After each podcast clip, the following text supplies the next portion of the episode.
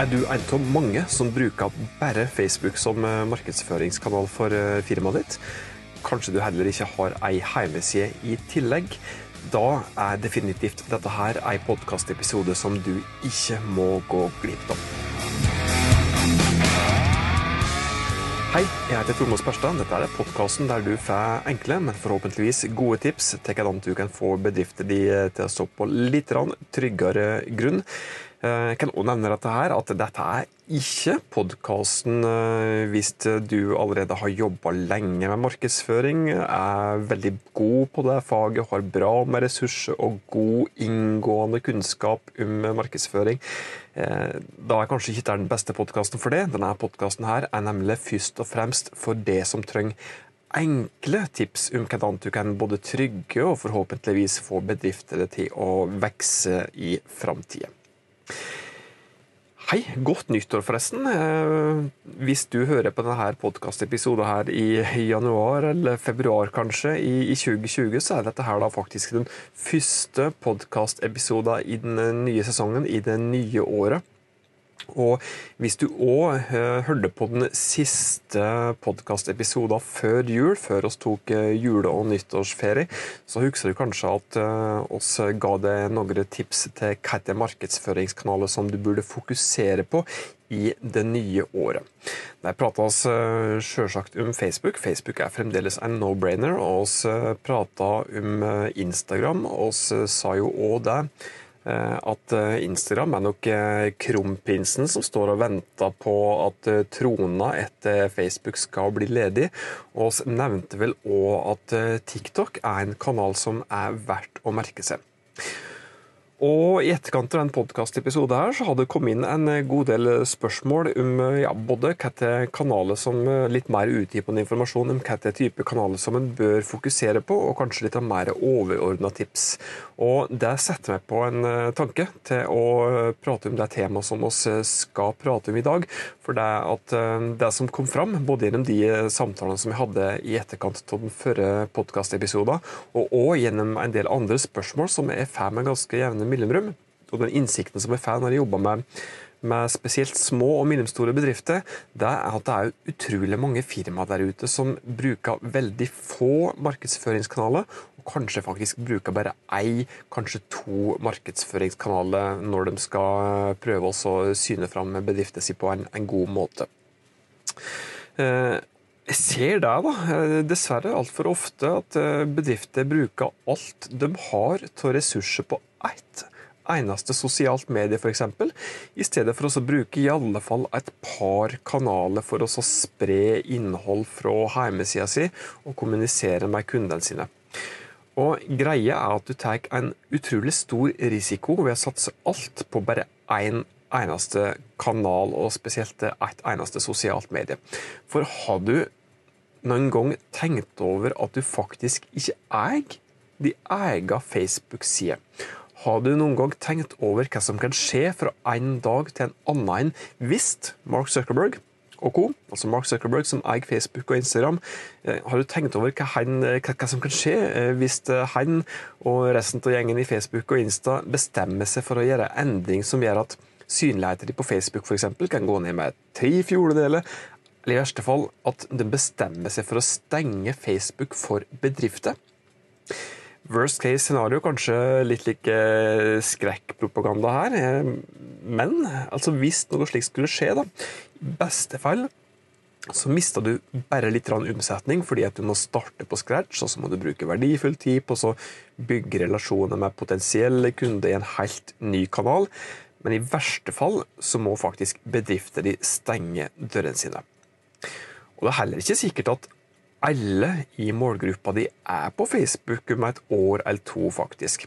Ja, bortimot hver eneste nordmann over 18 år er fremdeles på Facebook i dag, men det er enkelte signal fra flere hold som tyder på at oss i alle fall ser ei eh, dreining i, i bruken, og ikke minst demografien òg, da.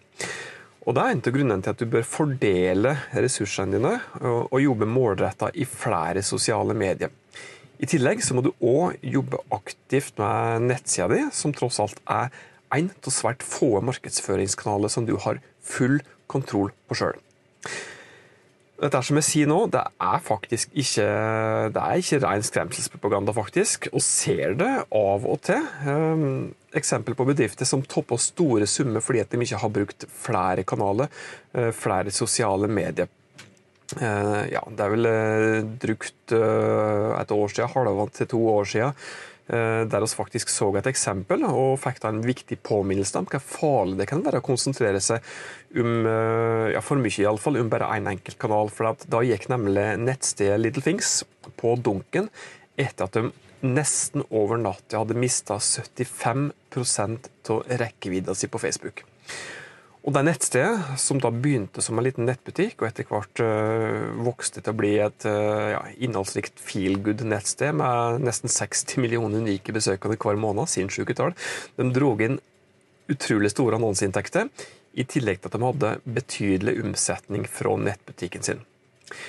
Og Little Things hadde et gedigent publikum. Godt godt over 12 millioner hadde lika Facebook-sida, noe som gav nettstedet muligheter til å nå ut til mer enn 12 millioner, minst, potensielle kunder uten å betale en eneste annonsekrone.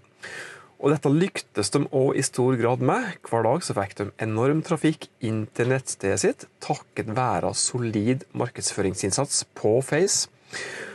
Og i og med at de da lyktes da, så til de grader på Facebook, så var det òg denne kanalen de i all hovedsak konsentrerte seg om å bruke.